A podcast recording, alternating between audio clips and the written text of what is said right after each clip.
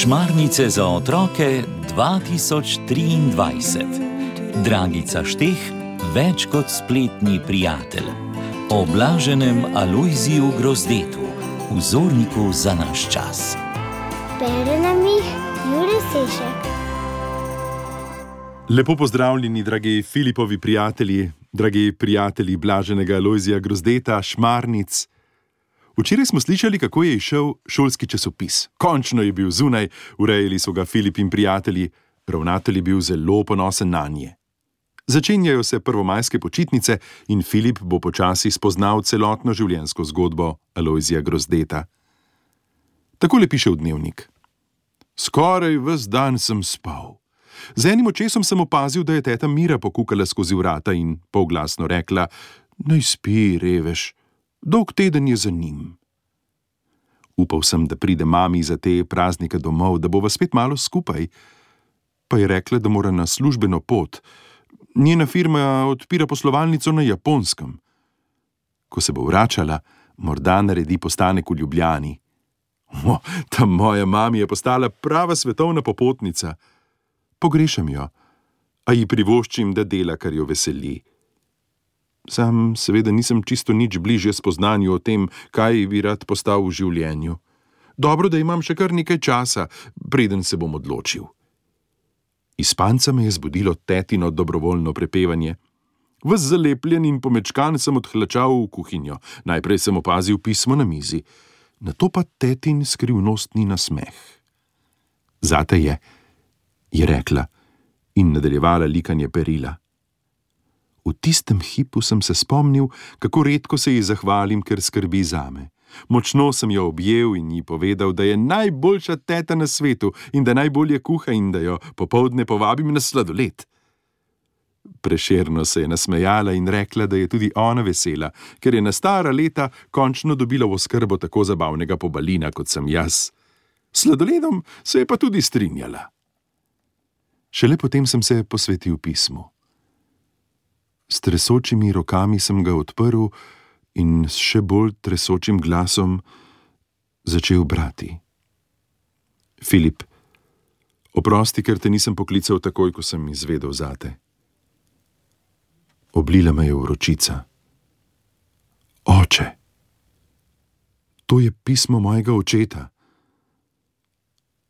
Najprej sem bil žalosten, ker te ne poznam. Potem sem bil jezen na tvojo mami, ker mi ni povedala.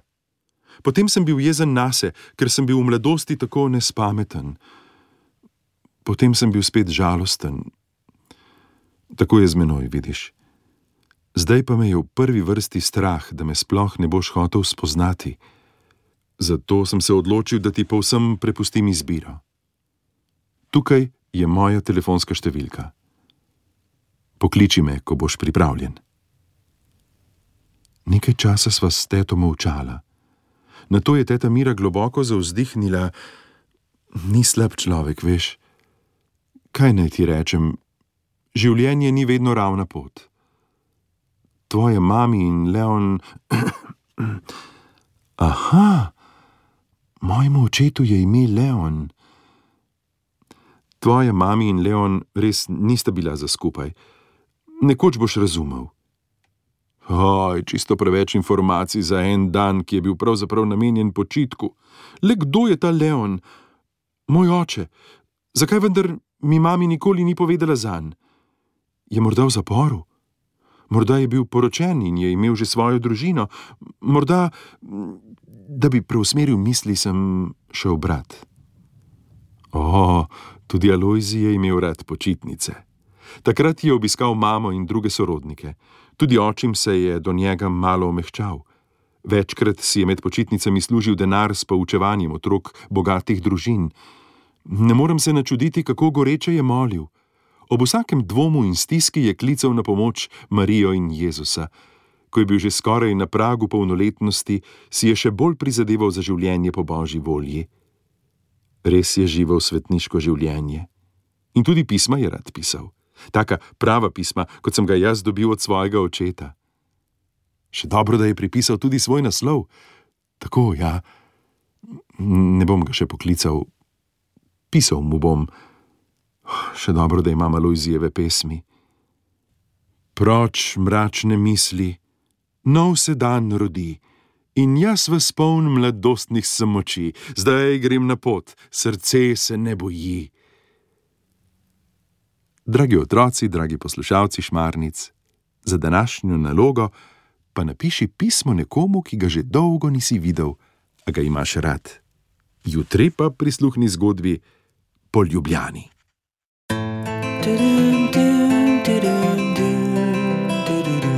Zgodbe za otroke. Lepo.